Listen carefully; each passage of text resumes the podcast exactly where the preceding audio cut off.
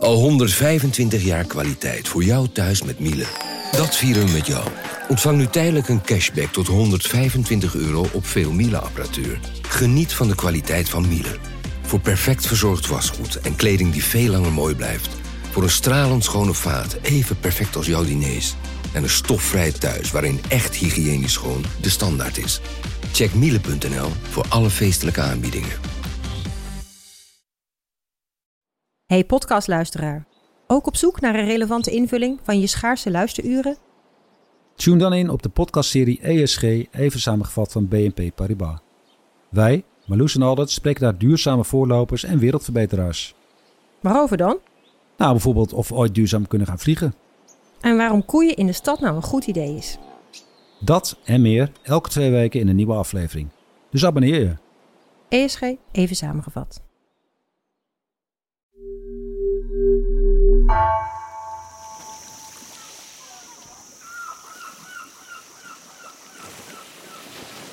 Het is 15 augustus 1769 en het schip de Endeavour ligt voor anker in Rurutu, een eilandje in de Grote Oceaan.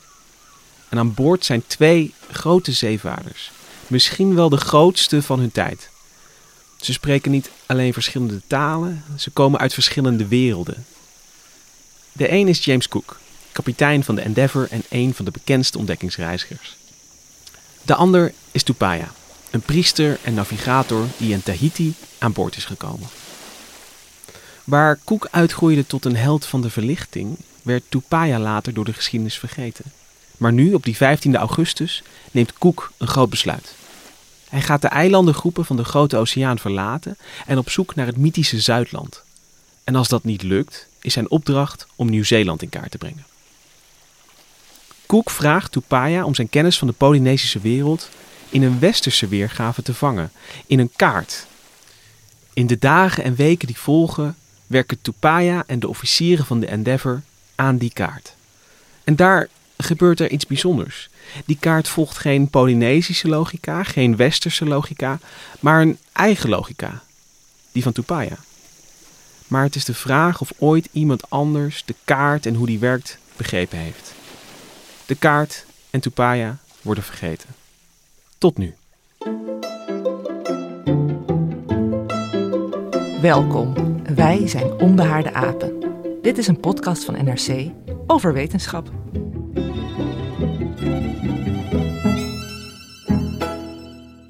Over de kaart van Tupaya die Lucas net beschreef, breken westerse wetenschappers zich al eeuwen het hoofd. De kaart zou nutteloos zijn, hij is beschimpt als inaccuraat en er werd op neergekeken, net als op de rest van de Polynesische cultuur. Tot Duitse wetenschappers in 2019 achterhaalden hoe ze de kaart moeten lezen. En nu geldt die kaart van Tupaya juist als voorbeeld van vindingrijke vertaalslag. Aan tafel zit ik met wetenschapsredacteuren Lucas Brouwers en Hendrik Spiering, die ons meenemen op reis naar de andere kant van de wereld. Mijn naam is Gemma Venhuizen. Lucas, Polynesië heeft voor mij toch een soort eh, verre mythische klank een beetje. Als ik eraan denk, dan zie ik kleine afgelegen eilanden omringd door een uitgestrekte oceaan. Waar is Polynesië precies? Ja, waar is Polynesië eigenlijk niet, kun je beter vragen. Want uh, de, de, grote oceaan, daar bevinden we ons in. Ook wel de stille oceaan, kennen mensen hem ook wel. Uh, die omvat eigenlijk het grootste gedeelte van de aarde. Het is de grootste oceaan, groter dan, uh, dan landmassa's. En als je nou het over Polynesië hebt, wat letterlijk veel eilandjes betekent. Dus, dus jouw beeld van, van eilanden, dat klopt in ieder geval.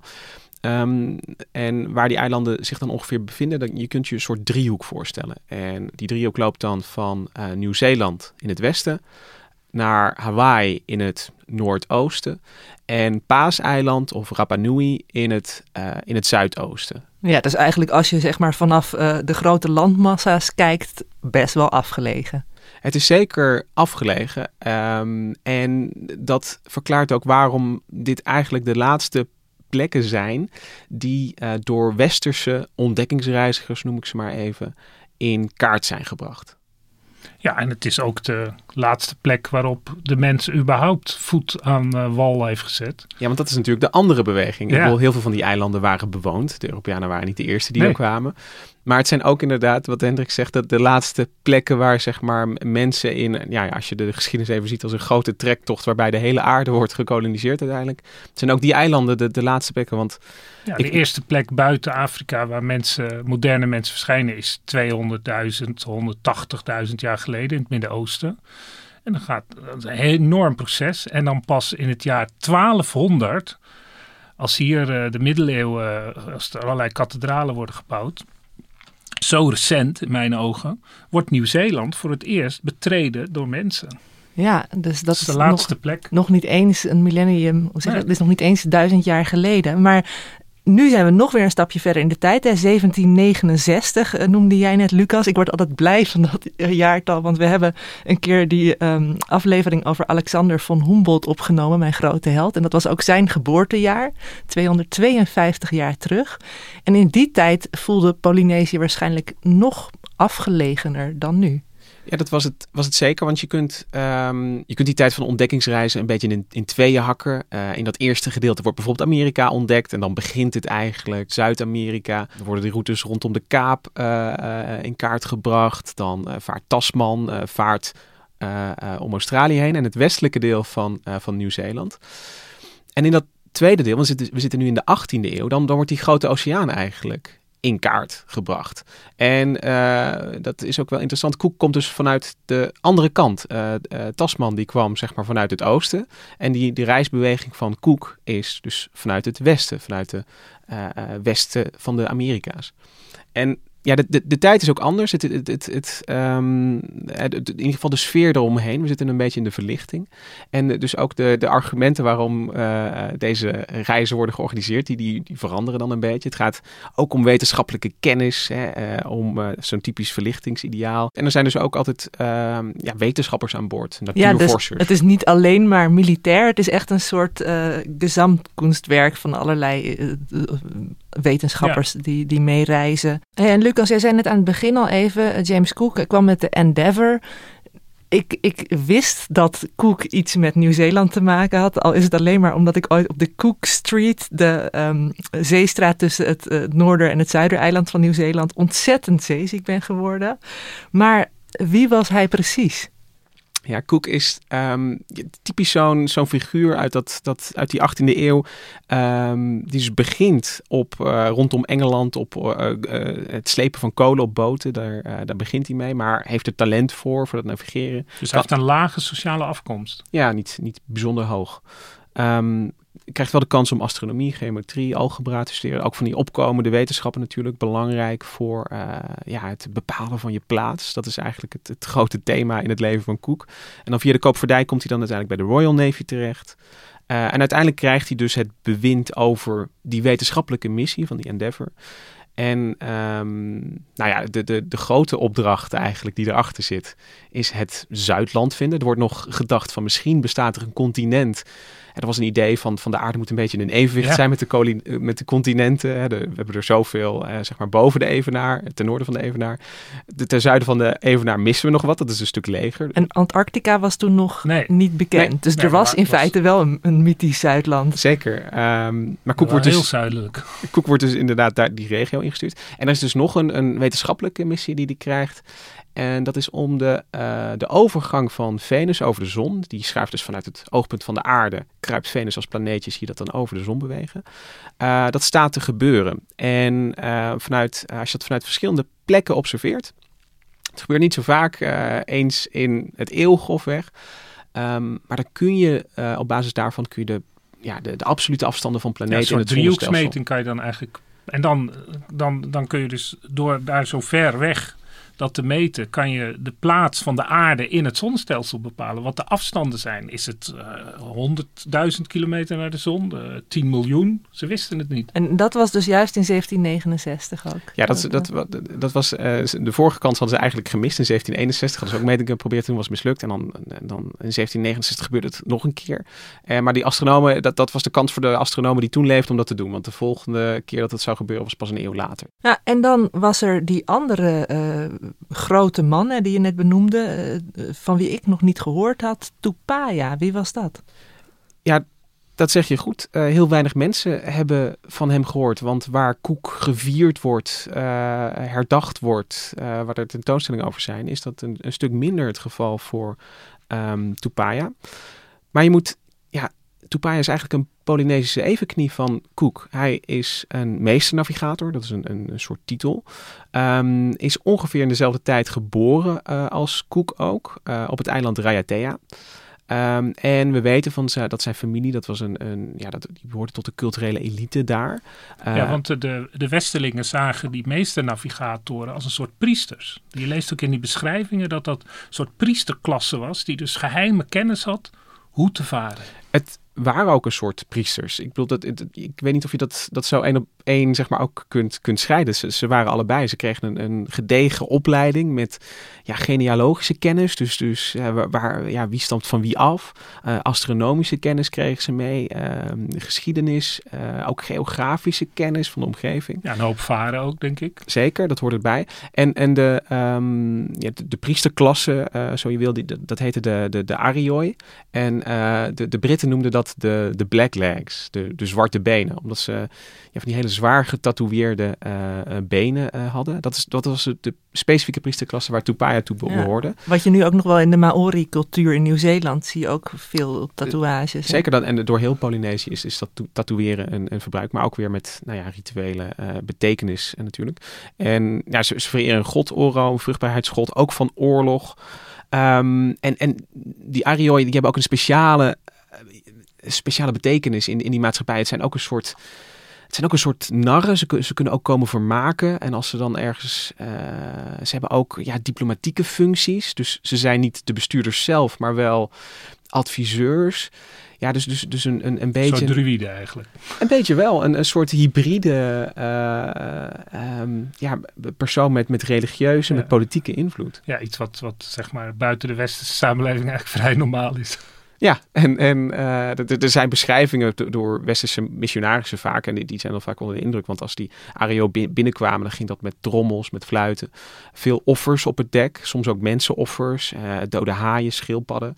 Dus het, het, het, het, het, ja, het, het, het moet behoorlijk indruk hebben gemaakt. En, en die personen genieten dus echt aanzien. In dus dat waren twee hoog geplaatste mensen uit twee totaal verschillende culturen die aan tafel gingen. Absoluut. Ja, en, en Tupaya wordt dan eigenlijk dus echt uh, op de Endeavor ontboden van uh, kom je kennis met ons delen. Absoluut. Ja, dus, dus, dus daar vindt ja, kennisoverdracht, culturele overdracht vindt er plaats. Die, die, deze, deze mensen zijn nieuwsgierig naar elkaar en naar wat ze elkaar dus te bieden hebben.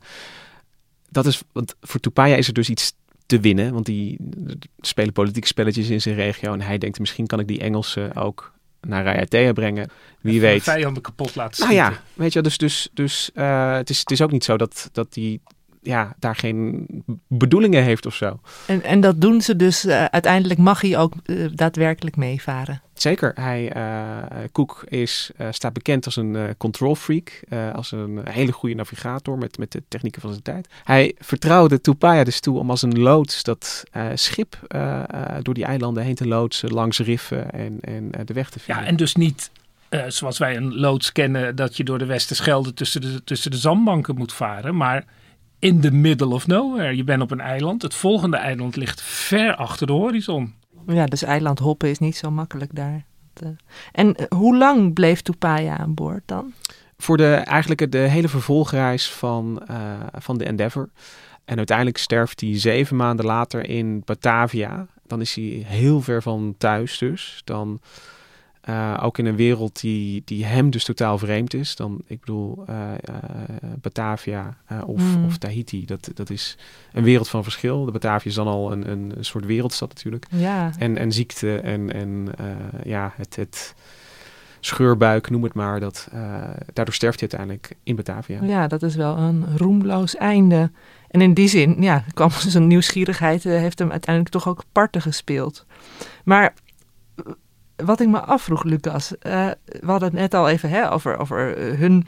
Dat, dat zij een beetje aan elkaar aan het snuffelen waren. Maar ik ben ook heel benieuwd naar jouw eigen fascinatie met dit hele verhaal. Met Polynesië en, en met de kaart van Tupaya. Waarom ben jij hier ingedoken? Ik, ik vind Polynesië eigenlijk al heel erg lang machtig interessant. Al, ik, lang geleden heb ik al een nieuwsberichtje gemaakt over mogelijke contacten tussen Rapa Nui en, en Zuid-Amerika. Ja, zo begint het meestal, de ja. interesse van een wetenschapsredacteur, een berichtje. En, en dat je dan ineens dat, dat voorstelt, wat, wat Hendrik net beschreef, weet je wel, van, van die mensen die daar misschien in 1200, 1300, 1400 zijn aangekomen. En eigenlijk al de wereld ook al bijna rondmaken uh, rond die tijd. Weet je, we horen altijd over die, die, die, die westerse ontdekkingsreizigers, maar dat, dat stukje al. En er is nog een moment, en, en dat is toch, uh, dat is wat minder typisch voor een wetenschapsredacteur, denk ik, maar uh, de, de, film Moana of, of Vaiana van Disney. Ik hou uh, al heel erg lang van Disney-films en op een gegeven moment zag ik Moana, dat gaat over, dat ook een beetje in de Disney Renaissance waarbij uh, met sterke vrouwelijke hoofdpersonages uh, over een, een Polynesische vrouw, een dochter van een, van een chief die, ja, die erop uit wil, die de horizon over wil. En, en nou, dat vond ik prachtig. En het heeft me altijd, ik ben er altijd over blijven lezen. En, en, en er is nog iets en dat is dat er vaak vaak wordt er over Polynesië geschreven en, en om een punt te maken. Um, Jared Diamond, een antropoloog, die, die, heeft, uh, die, die wilde een soort punt maken van ja, uh, de, de, de, de mens en de natuur en de omgang daarmee. En, en dat, we, dat we er heel veel uithalen. En dan, dan werd uh, Paaseiland Rapa Nui werd een soort ecologisch uh, instortingsverhaal. Van de mens kwam er en ze kapten de bomen. De en, sukkels. Ja, en, maar dat, dat was om zijn punt te maken van dat het collapse. klopt ook niet, nee. En, het, en het klopt ook niet. En dan komt er dan ja, weer een ander narratief ja. tegenover. Um, uh, Rutger Brechtman heeft bijvoorbeeld geschreven over... Nee, dat, ging allemaal heel erg goed en het was allemaal pers en vree. En dat, dat, dat, dat voelt niet altijd Het is een beetje zo clichématig soms misschien. Bijna. En, en er gebeuren dus wel interessante dingen waarbij ja, dat, dat Polynesische perspectief dus veel meer naar boven wordt uh, getild. Niet vanuit een westerse archeologenblik, maar, maar op een holistische manier. En dat vond ik heel spannend aan dit verhaal. Ja, dat, uh, mooi. Ik ga die film ook kijken trouwens. Ben ik wel benieuwd naar. Hey, en uh, terug naar Polynesië dan. Uh, we hebben Cook, we hebben Tupaya aan, aan boord van de Endeavour. En wat gebeurde er in die kajuit?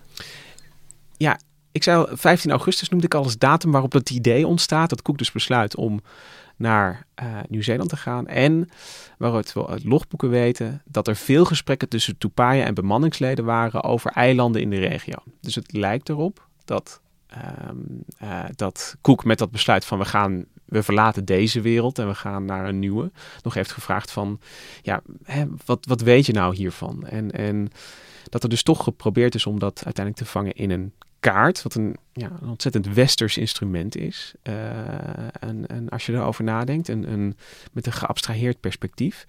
En wat er lijkt gebeurd te zijn, is dat als je die kaart ziet, dan in het midden liggen uh, de eilandjes waar Cook en zijn bemanning geweest waren. En ook op ja, de posities waarop een westerse cartograaf ze zou zetten.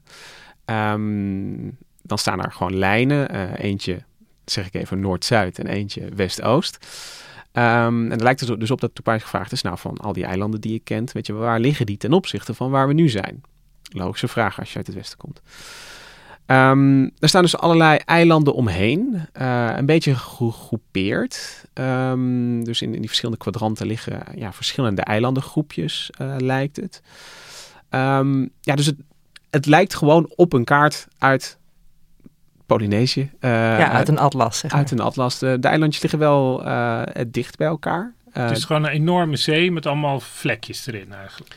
Ja, het is een best wel volle zee. En dat is al een interessant verschil. want als je nu Google Maps Polynesië aanklikt, dan zie je leegte en een paar puntjes. Maar die, die, die kaart van Tupai is, is voller. Um, daar liggen de eilanden dichter bij elkaar. Um, ja, dus dat is eigenlijk gewoon wat je ziet. En de kaart die uiteindelijk in de archieven terecht is gekomen middels drie verschillende kopieën die nu bekend zijn. Um, en, dus de originele kaart is verdwenen? Ja, we hebben uh, kopieën uit het archief van Banks en uh, nog uh, van wat andere ja, ontdekkingsreizigers uit, uit die tijd. Ja, drie kopieën, dat klinkt wel alsof de bemanning de kaart op waarde weet te schatten.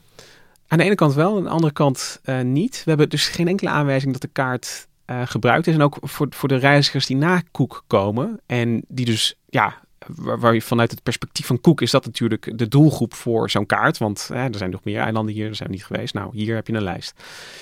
Ja, die mensen die, die schatten hem niet op waarde. En nergens anders wordt dat zo duidelijk als in, in, in een citaat van, van Georg Forster. Die, is in, die leidt ook een verkenningsexpeditie, uh, Duitser, in 1777. Ehm, en ja, die schrijft die kaart van Tupai eigenlijk al helemaal terzijde. Hij schrijft, ehm, als zijn tekening precies was geweest, dan zouden onze schepen al over deze eilanden zijn gevaren die Tupaya op zijn kaart heeft neergezet. Het is daarom zeer waarschijnlijk dat de ijdelheid waarmee Tupaya intelligenter probeerde te lijken dan hij in werkelijkheid was, hem ertoe heeft aangezet om deze verbeelde kaart van de Zuidzee te maken en misschien om de namen van veel van de eilanden hierin te verzinnen.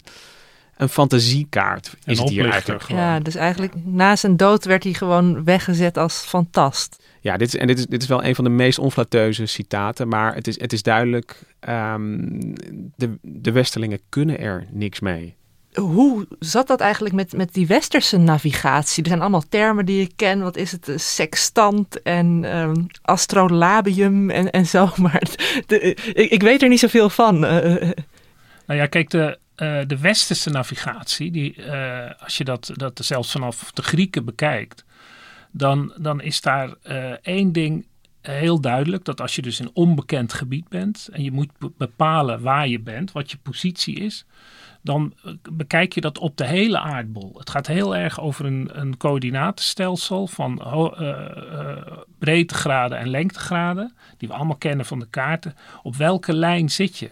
Overal ter wereld kun je kijken wanneer is het middag, wanneer staat de zon op het hoogste punt en hoe hoog is dat ten opzichte van de horizon.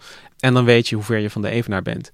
Het klinkt als een objectieve methode. Hè? Wat, wat rekenwerk, wat, wat invulwerk, dat je goed je dagboek bijhoudt. Maar dan kun je wel over de hele wereld weten op welke breedte je bent. En dat, dat kon al in de tijd van Koek. Alleen er was nog een probleem. De lengtegraad. Ja, het grote probleem. En als je daarna over nadenkt, lengtegraad is een functie van tijd. Want uh, in uh, Berlijn, op ongeveer dezelfde breedtegraad, staat de zon op het, op het hoogste punt even hoog als hier in Nederland, even grof gezegd.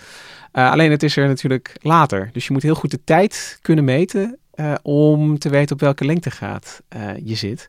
En dat lukte op een schip nog niet in de tijd van Koek. Dus die precieze bepaling van de, van de lengtegraad, hoeveel westelijke en oostelijke, dat is een enorm probleem. En er zijn allerlei omwegen gevonden om dat uh, te doen. Je kunt bijvoorbeeld letten op uh, maansverduisteringen. Dat is op iedere dag, overal ter aarde op hetzelfde moment. heb je een soort absolute klok. Moet je hele ingewikkelde tabellen hebben, berekeningen. Sterrenstanden kan je ook de absolute tijd aan aflezen. En um, zo kom je er wel uit. Er waren zelfs in het begin nog trucjes om. Dan nam je een hond mee en die werd met een mes gestoken. En iedere dag om 12 uur werd uh, in, de, in de vertrekstad dat mes bewogen. En dan was het oh. idee, dan gaat die hond op een soort magische manier op dat moment janken. Oh, nee. Dus er was wel ook een zekere wanhoop in de bepaling van uh, hoe het ten westen was. Ja, dus er, er was nog wel wat te verfijnen aan die westerse navigatie. En hoe zat het dan met de Polynesische nautiek? Ja, die, die komt dus Kijk, al die kennis over breedte en lengtegraden, dat wordt door wetenschapshistorici helemaal, ja, er worden boeken over volgeschreven. Dat vinden we allemaal machtig interessant. Alleen die, dat Polynesische wereldbeeld, dat, um, dat moet op een andere manier gereconstrueerd worden. Want dat, uh, dat is niet opgeschreven. Uh, dat is uiteindelijk opgeschreven in de vorm van legende bijvoorbeeld, die dan, dan door missionarissen worden opgetekend. Maar kort gezegd komt het hierop neer, waar het, het Westen, zeg maar, dat, dat objectieve ja, dat vogelperspectief, weet je, de aarde als een bol waarop jij een puntje bent ziet, is in uh, het Polynesische wereldbeeld, is ben jij het centrum, jouw, jouw kano, jouw wa, jouw wakka, dat is, dat is waar je bent. En de rest van de wereld beweegt daar omheen en, en doorheen, de winden en, en de golven. Um, je kunt het misschien, het klinkt allemaal een, een, beetje abstract, maar voor een, een Polynesische navigator, die vaart niet naar een eiland toe, maar die vist een eiland op vanaf de horizon. En als de winden zo staan ja, dat dat niet lukt, dan, dan zegt, zou een Polynesische navigator zeggen van dat eiland is afgezakt. Mm. En, en ik ga, we gaan een ander eiland opvissen. Ja. En het is dus een, een meer gegrond, zou ik willen zeggen, in het, in het, um, hè, in het individu in het, in het schip en, en, en, en, en hè, de, de kosmos daaromheen. Dus, dus de, de sterren en de zon en de maan, die uh, sterrenpilaren, Pua, die, die, worden, die, die komen ook uh, op. En, dat hemelgewelf en de oceaan, dat, dat, is, dat zijn geen losse dingen, zoals de, ja, de westerse astronomen en cartografen dat natuurlijk zagen. En die, die ge, gebruikten zeg maar daarvan wat ze konden. Dat deden de Polynesiërs ook, maar in een organisch geheel. Ja. ja, veel minder abstract. Dus het is, het, als je het, het, het, het, het is zeg maar een optelsom van allerlei details. Als de ster daar staat, dan is dat eiland daar onder bepaalde omstandigheden. Als je daar vandaan komt en met die zeewind en die stroming. Ze konden uit de golven van alles uh, halen. Er is ook bijvoorbeeld een anekdote uit uh, recentere tijden. Van, uh, toen hebben ze dat allemaal weer, zijn ze dat gaan doen. Dat bij een soort examen uh, maakte dan een van die navigatoren uit Polynesië fout. Want die interpreteerde een vogel op een bepaalde manier. Maar hij had niet gezien dat die vogel een vis in zijn bek had. En als een, vis, als een vogel een vis in zijn bek heeft, gaat hij meestal naar land toe. Dus allemaal van dat soort. En zij interpreteerde dat, die navigator, als. Dat, dat doe je normaal, van land wegvliegen. Maar dat, dus allemaal van die kleine details. En ja, zo navigeerde natuurlijk iedereen ter wereld zonder in, in de Middellandse Zee ook, op, op grond van ervaring en zo. Alleen ja, dit is een systeem. Ja, maar ik zou nog steeds zeggen dat een, een schipper in de Middellandse Zee zegt... we gaan naar Alexandrië toe. En niet we gaan ja, Alexandrië op, ophalen van, van, van de horizon. Ja, dat is zo, ja. Dus, dus, de, dus, dus de, de, de manier en de verhalen uh, die, die, die daarover verteld worden... Die, ja, die zijn toch wel misschien wel uniek Polynesisch. Ja, en dat is dus je hebt dus zeg maar de, bijna zoals een jager-verzamelaar zijn, zijn, zijn omgeving ten diepste kent, is dit tot in het extreme uitvergroot in een systeem waarin dus ja, uh, een gebied van, wat is het, 20.000 kilometer of zo in, in, in het hoofd van de navigator zit. Met alle details en de grote lijnen. Ja, en dan dus iets waar zeemijlen en breedtegraden geen rol spelen. Maar waar wel dus, hè, wat Lucas net zei, al die legendes in het hoofd van de navigator zitten. En dan denk ik weer aan die, die kaart, want daar had Tupaya dus eigenlijk zelf helemaal niet echt dan uh, ervaring mee. Probeerde hij toen op die kaart uh, aan boord van de Endeavour de westerse cartografie toch na te doen? Ja, je moet je voorstellen, slimme man en, en hij ziet uh, natuurlijk dat die westerlingen ook ja, die, die zijn ook op Tahiti aangekomen. Dus die kunnen ook navigeren. Ja. Dus hij is natuurlijk ook nieuwsgierig naar de manieren waarop ze dat doen. En dat zie je terug in de manier waarop hè, die, die, die kennis, nieuwsgierigheid, zie je uiteindelijk terug in die kaart. Maar wat hij dus niet doet, is um, het systeem overnemen. Want ja, als ik me dat probeer voor te stellen, het is, het is bijna onverenigbaar. Als, je, als, je, uh, als jij de tijd naar een eiland, of de, de, tijd die het kost voor een, om, voor een eiland om naar jou toe te komen, telt in uh, uh, 20 dagen heen en 5 dagen terug, dan kan je dat niet natuurlijk zomaar uh, ineens intekenen op, een, een, op lijnen die voor jou getrokken worden. Ja, wat, ja, ga er maar aan staan. Dan raak je in de war van een. Dan, dan past niet op een Mercator-projectie, zeg maar. Nee, dat, dat past daar helemaal niet op. En ik vind het wel grappig, want, want westerse historie, eigenlijk dat, dat gaat dan meteen met een paar van die kopieën van die kaart. En dan zie je de, de omgekeerde gebeuren. Um, dus dan heb je dus Westerlingen die de kaart van Tupaya nemen. En die proberen dat toch met alle macht uh, in uh, breedtegraden en lengtegraden te vangen. Dus al die, die, die derde kopie, die wordt al, daar worden al met eilanden van die Tupaya heeft neergetekend, die worden verschoven. Want uh, we zich vergist natuurlijk. Ja, zeg maar, ja. Ver, westerse verbetering. Precies. En, en dat, dus totaal onbegrip, wat ook heel goed te begrijpen is natuurlijk. Want als jij in Londen naar zo'n kaart zit te kijken, dan is het vrij moeilijk je voor te stellen je, je hoe het in Polynesië gaat natuurlijk. Je, herkent een eilandnaam en je zegt dat ligt niet daar van Tahiti, maar dat ligt, dat ligt daar ten opzichte van Tahiti. Dus, dus nou, dan moet die een beetje naar, weet je wel, die moeten iets verder naar het oosten. Nou, dan zullen die ook wel allemaal iets verder naar het oosten ja, moeten. systeemdwang toegepast op een organische manier van een soort totaalnavigatie. En in de 20e eeuw zie je dan historici die zien die kaart van Tupaya wel als een interessante kaart. Want, nou ja, unieke ontmoeting, komt een kaart uit voort. Alleen die, die, die, die komen er niet uit, want, want ze, ze, op zich hebben ze, maken ze een goede denkstap. Want ze gaan denken van wat kan er gebeurd zijn dat deze kaart is ontstaan. En, maar dan komen ze een, beetje met, met simpele verklaringen. Misschien is de kaart, weet je wel, um, ondersteboven. Weet je, van hebben ze de kaart naar Ah, Tupaya ja. toegeschoven en is hij ondersteboven. Misschien is, is hij een keertje omgedraaid en zit, zit er dus een, een spiegeling in. Hé, hey, dat eh, eilandje staat al, eh, ja, er staat er drie keer op. Hoe kan dat nou? Weet je wel, van die kaart moet een keertje een, een, een halve slag gedraaid Ja, zijn en, ja. en we zijn verder gaan tekenen. Dus in de Meestal de fout van de ander. ja, weet je, er is een, nou en dat kan ook een fout van, van een, een bemanningslid zijn geweest. Maar er is een fout gemaakt waardoor die kaart van Tupaya niet klopt. En nou ja, dat was een beetje de status van deze kaart. We konden er niet zoveel mee, nog steeds begrepen hem niet. Tot twee jaar geleden.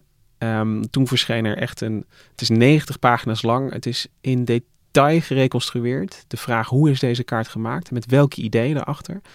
En twee Duitse onderzoekers, die zijn erin geslaagd, zeg ik maar even, om de kaart te kraken. En dat wil ik later ook meteen weer een beetje nuanceren. Maar ze denken nu dat ze weten wat Tupai heeft gedaan en hoe die toch op een hele goede manier eigenlijk die Polynesische kennis in een kaart gevangen heeft.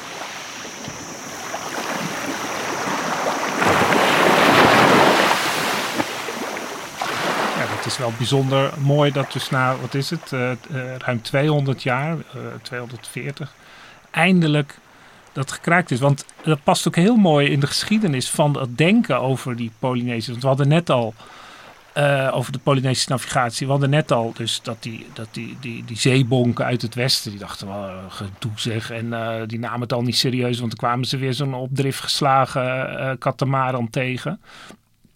En in de 19e eeuw werd daar dus vrij neerbuigend over gedaan. Al was er ook altijd wel een romantische stroming. Die dat dan heroïsche zeevaarders, ook vaak mensen die er ook geen verstand van hadden, die, die daar dan over. En in de loop van de 20e eeuw komt er toch wel meer begrip. En een heel mooi moment is een, een boek wat in 1943 is verschenen. Van een gewoon, niet van een wetenschapper, maar van een, een, een, navigator van de, uh, de Britse of van de Amerikaanse uh, Navy.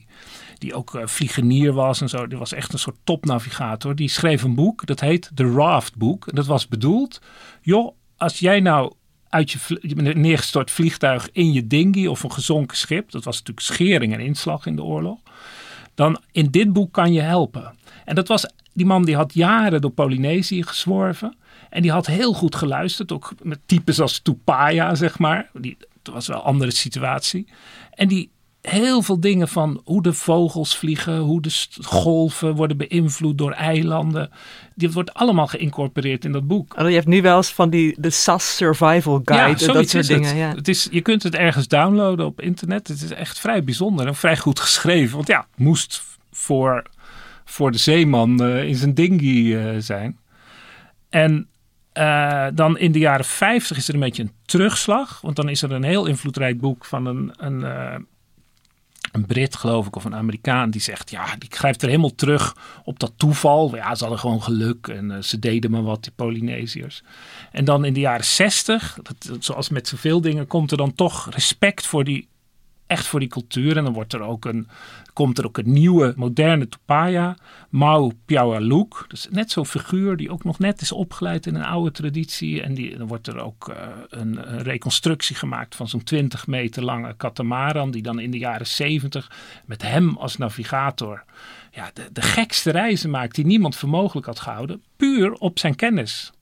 En weet je, in deze traditie, um, die, die zie je dus ook bij historici, antropologen tegelijkertijd plaatsvinden. Dus dat, dat komt een beetje samen. Dus, dus terwijl ja, Polynesiërs toch uh, um, uh, opnieuw ja, contact leggen eigenlijk met, met die vaartradities van lang geleden. Ja, ook in hun eigen bootjes, 15 meter jachtje, gaan zeilen. En daar contact maken en ook die problemen veel meer aan de lijve ondervinden. En, en dat is, dat is zeg maar de, de, de experimentele, de, ja. soms wordt het experimentele archeologie genoemd. Maar het zijn het bijna is, allemaal zeilers die daarover schrijven. En, en, en dat soort figuren zie je dus door de geschiedenis oprukken. En die heb je ook nodig, uh, uiteindelijk, die hebben die, deze twee Duitsers, uh, Lars Eckstein en Anja Schwartz, ook nodig gehad om uiteindelijk, want ze zeggen zelf, wij zijn ook maar landrotten, we zijn Duitsers, we hebben nog, nog nooit gezeild. Weet je, wij, wij kennen uh, archieven, daar, daar kunnen we onze weg wel in vinden, maar, maar wij hebben geen toegang zelf tot, tot die kennis of die inzichten. Die hebben wij allemaal uh, nodig gehad en kunnen gebruiken om uiteindelijk de kaart te begrijpen. Ja, dat is wel heel bijzonder dan. Daar ben ik dus toch nog wel heel benieuwd naar. Hoe moet die kaart dan gelezen worden, Lucas? Ja, en dan moet ik iets vertellen over die Schwartz en Eckstein en over hoe die erin staan. Ik heb ze gesproken. En mijn eerste vraag aan ze is van, oh ja, jullie zijn natuurlijk archiefhistorici. Toen zei uh, Eckstein zei al, nee, nee, nee, nee. Wij zijn uh, eigenlijk, wij komen uit, meer uit de literaire traditie. We, zijn, we hebben literatuurwetenschappen gestudeerd en... Um, hij zei, het, het, vakgebied heeft oorspronkelijk een beetje een marxistische inslag, maar het gaat heel erg over ja, hoe worden verhalen verteld, hoe komen ze tot stand ook. Dus ze kijken ook heel erg naar die omstandigheden. En dan, ja, dan vraag je toch af waarom dan, dan, uh, waarom dan twee Duitsers? Ik bedoel, wat, wat hebben die dan daarover te vertellen? Heel pragmatisch, er lagen nog onbeschreven of weinig beschreven archiefstukken in Duitse archieven. In het stadsarchief van Braunschweig lag een van die kopieën van die kaart.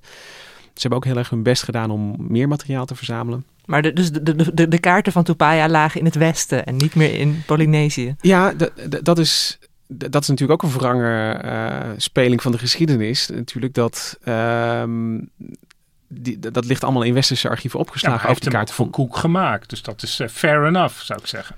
Nee, ja, maar het is, niet voor zichzelf. Nee, maar een Polynesische onderzoeker had dit onderzoek dus niet kunnen doen. En ja, dat is, dat is ergens. Ja, ja, dat op die manier. Uh, kun je dat natuurlijk wel uh, onrechtvaardig vinden. Maar ik, ik zit letterlijk op het puntje van mijn stoel hier in de podcaststudio. Hè? Uh, Eckstein en Schwartz, als ik het goed zeg, die waren dus, dus, dus bezig. En, en wat. Het heeft ze acht jaar gekost. acht jaar hebben ze zich verdiept en, en gelezen. En oké, dus je moet hun inzicht is, je moet dit zien als een vertaling. Als, uh, waar, we eigenlijk al, wij hebben het er nu al de hele tijd over, maar die manier waarop wij het erover hebben is dus niet vanzelfsprekend. Namelijk twee mensen met heel veel kennis komen bij elkaar en moeten toch, ze spreken elkaar taal niet, en ze moeten toch dingen aan elkaar duidelijk maken. En je moet Tupaya dus zien als een slimme uh, figuur die zijn best heeft gedaan om zijn wereldbeeld voor ja, ik zeg maar even domme Europeanen of, of, of niet ingevoerde Europeanen toch een beetje toegankelijk te maken. Een beetje, want helemaal dat lukt niet. Want daar heeft hij 40 jaar voor gestudeerd om, om dat te snappen. Um, en uh, Exxon en Schwartz, die, dit zijn eigenlijk twee belangrijke momenten. En de ene moment noem ik even, we moeten het over Avatea hebben. Dat is iets wat, wat ze tegen elkaar hebben gezegd op een gegeven moment na het lang bestuderen. Want op het centrum van het kaart staat uh, op, op, op waar die Noord-Zuidlijn en West-Oostlijn, die de Europeanen hebben ingetekend, heeft Tupaya een woordje laten toevoegen en dat heet Avatea. En dat betekent in het Tahitiaans uh, zoiets als uh, de positie van de zon rond de middag. Hè, wat, mm. En dat is in de Polynesische vaarkunst geen centraal begrip. Maar zoals we het er net al over hadden, dat was heel anders voor de Europeanen. Het meten van het hoogste punt van de zon elke dag was bijna zou je kunnen zien als een ritueel. De bemanning moest zich verzamelen op het dek. Dat heeft Tupaya gezien op de Endeavour. Uh, werd er vanuit drie verschillende punten op het schip, uh, hoog en laag en voor en achter, werd dus met de sextant die positie bepaald. Dan luidde er een bel acht keer. Ding, ding, ding, ding, ding. Het is de middag. Omdat dat zo belangrijk was voor het bepalen van de breedtegraad. Dus Tupaya heeft dat woord gekozen. Uh, als, als iets dat de Europeanen kennen. En wat hij heeft gedaan, hij verlaat eigenlijk die Noord-Zuid-West-Oost oriëntatie. Maar hij plaatst het noorden dus in het midden van de kaart. Mm. Avatea, het midden van de kaart. Hij nodigt eigenlijk de, dus de, de lezer van de kaart uit om uh, zichzelf in het op dat moment in het midden van de kaart te situeren en, en hè, met, met, met het noorden daar. En dat is voor een, een, een, een westerse kaartblik onbegrijpelijk. Dat je dus een tijdsaanduiding in het midden van de kaart zet. Daar komt het eigenlijk op neer. Ja, dat is, dat is best wel bizar. Dan, dan, voel je al die hele ja? kennisbal samen klinken daar. Ja, en het, in het noorden, zeg maar, mijn uh, noordelijk halfrond blik, denk de hele tijd, het moet toch het zuiden zijn, maar dat is omdat we op het zuidelijk halfrond zitten, is het in het noorden. Zeker. Ja. En het tweede inzicht, ik, ik noem even de belangrijkste, want ze hebben het heel erg uitgebreid beschreven, 90 pagina's lang. Um, zij, er zijn eilandlijsten bekend. Dus bemanningsleden van Cook hebben met Tupaya gepraat. Eh, van, joh, welke eilanden ken, ken je? En de manier waarop Tupaya dat verteld zal hebben, is in een soort gebed, in een soort zang, in een soort vaste volgorde van eilanden. Hè, er- er er zijn ook, eh, toen ik zelf Duits moest leren, weet je, wat het zijn van die leertechnieken. Aus bij mit von nach der. Ja, ik, heb, ik heb hem dus in een andere volgorde. Mindag Buis von zu aus. Dat is de derde naamval. Maar weet je, want dat is, dat is, dat is die, ja, die leertechniek waarbij je iets je gewoon je geheugen in brandt, zeg maar. En, en ehm, het inzicht van Eckstein en Schwartz is geweest dat die volgorde belangrijk is geweest. Die, die, die lijsten die zijn altijd een beetje genegeerd. Want soms wilden mensen wel het verhaal van de reis van... ging ze wel door die logboeken heen kijken. Maar zo'n lijst sla je dan over. Ja, saai. is een beetje saai. Ja, we vroegen aan Tupaya welke eilanden die je allemaal kennen. En dan volgt er een lijst. Ja, dat is leuk voor hem. Ja. hè, dat, dat sla je over. Ook in een, in een Tahitiaans woordenboek staat achter is dat ook zo'n lijst. Ehm, is voor iemand die geïnteresseerd is in vertalen en woordenboeken, is zo'n lijst ook niet interessant. Dus die lijsten zijn genegeerd. De mensen die er wel in geïnteresseerd waren, die probeerden er een soort masterlijst van te maken en dingen samen te voegen. Maar Eckstein en Zwart zeggen nee. Dit zijn reispaden. Dit zijn reizen die je kunt ondernemen van het ene naar het andere eiland. Dus je, kunt, je moet die niet gaan samenvoegen en, en overlappen. Maar, maar zo'n, als je dat, ja, die echo dus nog ziet in zo'n opgeschreven lijst, dan is dat belangrijk. En, en staat er bijvoorbeeld een volgorde van eilanden aan die je achter elkaar kan bezoeken. Maar dan zou ik ook verwachten dat het een aangeklede lijst is met extra geheugensteuntjes. In de zin van eh, eh, zeg maar eiland A, B, C, D, E. En eh, dat er dan bij ieder eiland A waar eh, de nachtgodin eh, eh, daar en daar staat. wat, wat dan een ster is waar je op moet koersen als je... Die, die, die verhalen en legenden zijn er ook. Alleen, weet je wat van of zo op de hoe ze tot ons zijn gekomen Ja. is. is, is eh, en, en hoe ze misschien ook genoemd zijn door Tupaya in, in een andere vorm. Want die verhalen, verhalende vormen zijn ook. Maar ja, net zoals wij niet nog buiten van Aus kunnen on- ontdekken, kan een, een Polynesische nav- navigator echt wel Rayatea en, Ja. en, en nog wat dingen achter elkaar opnoemen. En- omdat het natuurlijk niet alleen maar die lijst is. Want het, zijn, het is natuurlijk een aangeklede kennis. Het Ja. is niet een kale lijst. Nee, zeg nee, maar nee. een beetje zoals die droomverhalen waarmee de Australische aboriginals door de woestijn trekken. Dat zijn ook v- Daar zit, verhalen. daar zit nog meer context ja, kun je die daarbij halen. legendes die je net noemde. Ja. Maar wat Eckstein en Schwartz hebben gedaan, en ze hebben, eh, volgens mij was het Eckstein die zei van, ja, ik ging op een gegeven moment zo'n lijst ging ik nummeren en die nummertjes ging ik op de kaart van Tupaya inkleuren. En toen zag ik dat die eilanden die bij elkaar liggen, dat het volgde die nummers. Dus 1, 2, 3, dat zijn de eilanden die achter elkaar liggen.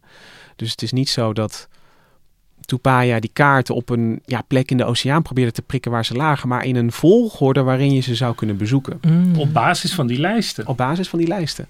En daarom kunnen eh, sommige eilanden er meerdere keren op staan. Want, want hij heeft het vanuit Tahitiaans perspectief uiteindelijk getekend.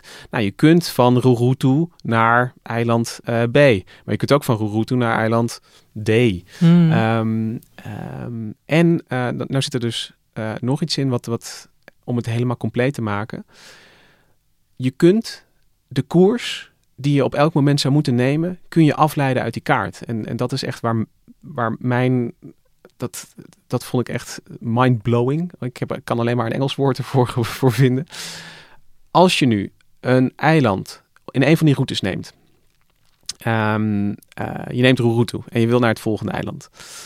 Dan eh, bepaal je, trek je twee lijnen. Eentje naar eh, het centrum, naar het noorden dus, van de kaart. En eentje eh, eh, naar het eiland waar je naartoe wil. En die vanuit het eiland waar je bent. En de hoek tussen die twee lijnen is de koers die je moet volgen.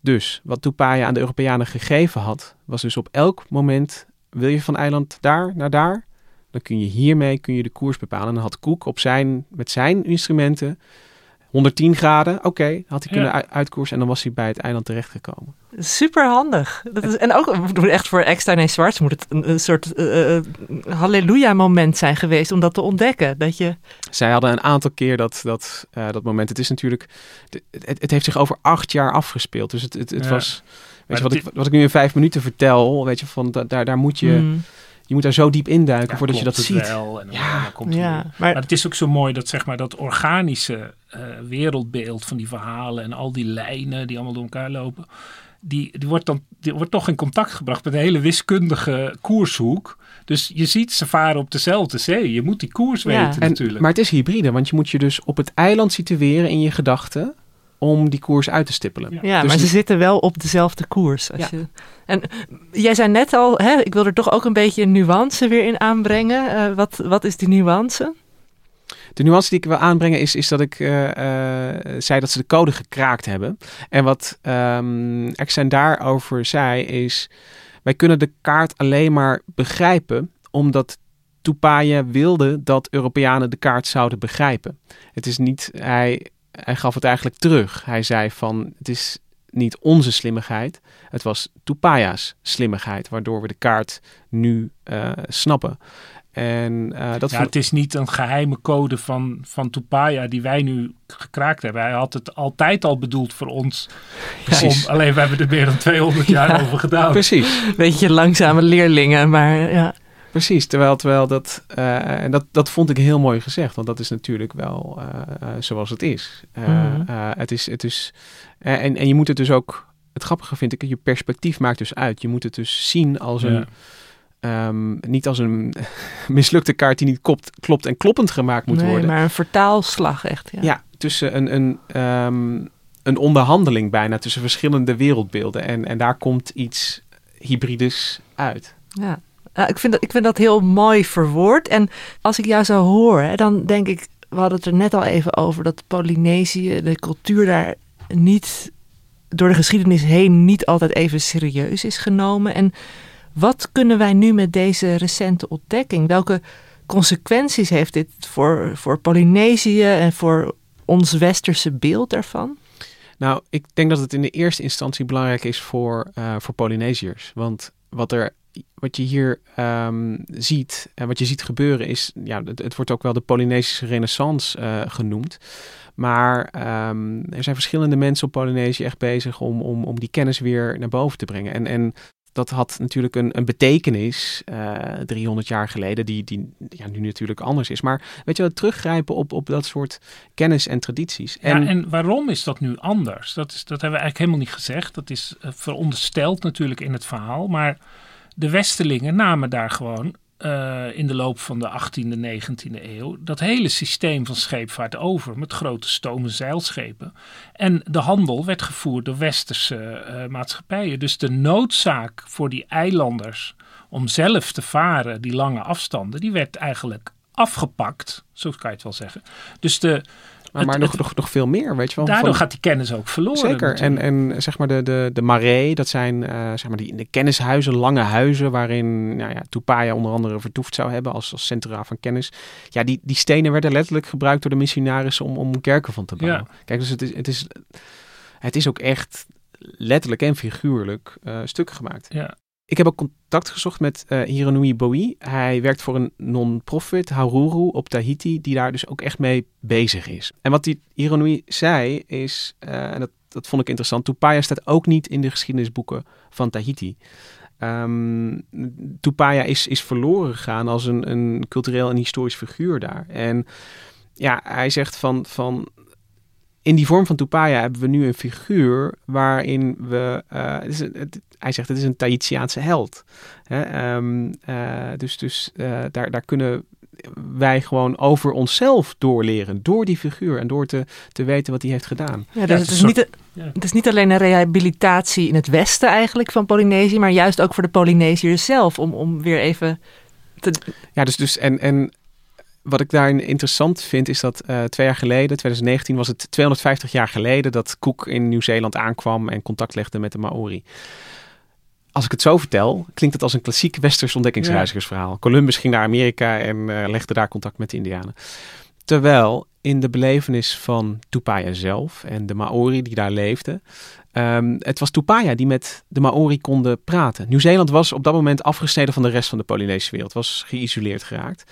En daar komt dus een, iemand binnen op die boot die met ze kan praten. Dus, dus voor de Maori is zeg maar die komst van Tupaya Ja, He, de, dat is wel uh, heel mooi. de, de- weer de verbinding met, met de rest van hun, van hun Mm. grotere volk, van het Polynesische volk.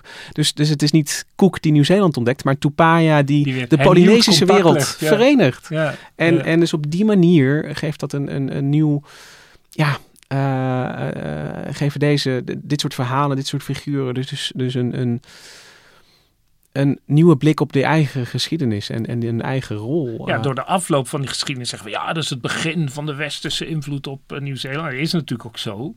Maar vanuit dat moment zelf is niet... eh, toevallig zat hij op een Engels schip, zeg maar. Ja, en, En, Ja. en zal het voor de Maori zal het zo geleken hebben alsof ja, Tupaya daar als priester Ja. met, met, met zijn Hmm. tatoeages. Ja, d- d- d- misschien was het wel zijn schip en helemaal niet Koeks schip. Ja, nou, een paar rare slaven aan boord. Ja, En nou ja, dat, dat, eh, en, je vroeg, wat kunnen we ervan opsteken? En ik denk dat, dat eh, eh, als, als Westerlingen kunnen we ervan opsteken. En dat vind ik het leuke. Is dat ehm, hè, de, de, als ik erover nadenk, de zonnestelsel, de wereld. We brengen het, weet je, van, van wetenschap is natuurlijk heel erg aan het beschrijven. En dat, dat, dat objectief in, in kaart brengen. En ehm, de Engelsen noemen dit eh, to, mistake the map for the world. Dat, dat je denkt dat wat je in kaart gebracht hebt, dat je, wat je gemeten hebt, dat dat ehm, is wat het is. Ehm, dat eh, eh, dat Tahiti een eilandje is op zus en zo lengte gaat en breedte gaat. Maar het is zoveel meer. En ik bedoel, die kennis is ook waar. Dat we onze blik wat, wat, wat verbreden. En dat vind ik ook wel grappig eigenlijk. Want in feite wat wij met al onze kaartprojecties doen. Hendrik die noemde net al even de Mercator-projectie. Dat is er ook maar één van zoveel. Want elke eh, poging om, een, om de wereld op een plat vlak af te beelden... heeft al afwijkingen. En ik zat zelf, hè, toen jij zo mooi begon over eilanden ophalen... en de kano als, als, als middelpunt... moest ik opeens denken aan een heel hedendaagse westerse vinding, namelijk de, de, de, Google, de Google Maps app op mijn telefoon. Daar ben ik een blauw stipje. En dan ja, zie ik verder ook maar een heel klein stukje van de omgeving. Maar de omgeving staat op die telefoon een beetje in dienst van, van mij. In, in, in zekere zin, als je er even een... een eh, ik bedoel, het is heel veel stappen verwijderd natuurlijk. Ja, maar in, in, er zit natuurlijk iets in van, van, weet je, van, van op een eh, Google Maps is, is de gebruiker weer zeg maar, het centrum van de wereld met, met, een, met een wereld er doorheen. En in die zin kan je het vergelijken. Het heeft niet die Nee, hele ik- traditie. ik zeg niet van een tragische vergelijking, want het is natuurlijk zo. Maar eh, Google Maps eh, veroorzaakt toch eh, een totaal gebrek aan kennis van de omgeving. Ja. En van de paden die je door de geografie kunt lopen in de verhalen van je leven. Het is een vrij abstract systeem waarin je dus ook verder nergens meer over na hoeft te denken. Is een beetje Nee, zonder legendes. Het is to- totaal uitgekleed universum. Oké, oké. Ik, ik, ik ken mijn plek en ik wil me ook uh, geenszins vergelijken met een uh, moderne tegenhanger van Tupaya. Nou, het, het, leuke is dat je dus die Google Maps gebruik je als je de weg niet weet. Maar ik, die hele beschrijving van al die, die verhalen, hoe je navigeert op, op grond van van alles en nog wat, is op een bepaalde manier ook zoals je navigeert in een stad of een gebied, een bos, dat je heel goed kent. Dat zijn allemaal bekende puntjes. Er Ja, zit natuurlijk die, die maar- navigatie op de sterren zit er natuurlijk niet in. Nee maar, nee, maar er zit ook in dat je eilanden weet te vinden die je, waar je nooit bent geweest. Ja. En daar informatie over hebt. Dus in die zin was dat... Ik, ik, ik zie de parallellen wel die Gemma aanzet. Want ook in, in Google Maps kun je een restaurant vinden waar je nog nooit bent geweest... en toch een indruk kan krijgen hoe lekker het eten is. Ook Tupaya wist van eilanden te noemen waar hij niet geweest was. Dat is een pareleiland. Dat is een eiland met vriendelijke mensen. Daar eh, minder vriendelijk. Weet je, dat... dat Ja, een beetje zoals je in een bos de weg weet en dan zegt iemand, ja, maar er is daar achter ook. En dan moet je daar en dan bij eh, die rare boom, weet je wel, waar jij toen viel, ja. moet je rechtdoor. Weet je, alles wordt dan een verhaal. Ja. Dat Ja. bedoel ik. Maar goed, ja. Nou, maar ik vond het in ieder geval een heerlijke ontdekkingsreis eh, samen met jullie. Dus bedankt Lucas en Hendrik voor de mooie verhalen. En ook bedankt Rosa van Toledo voor de productie. Natuurlijk ook het Dudok kwartet eh, weer mooi te horen.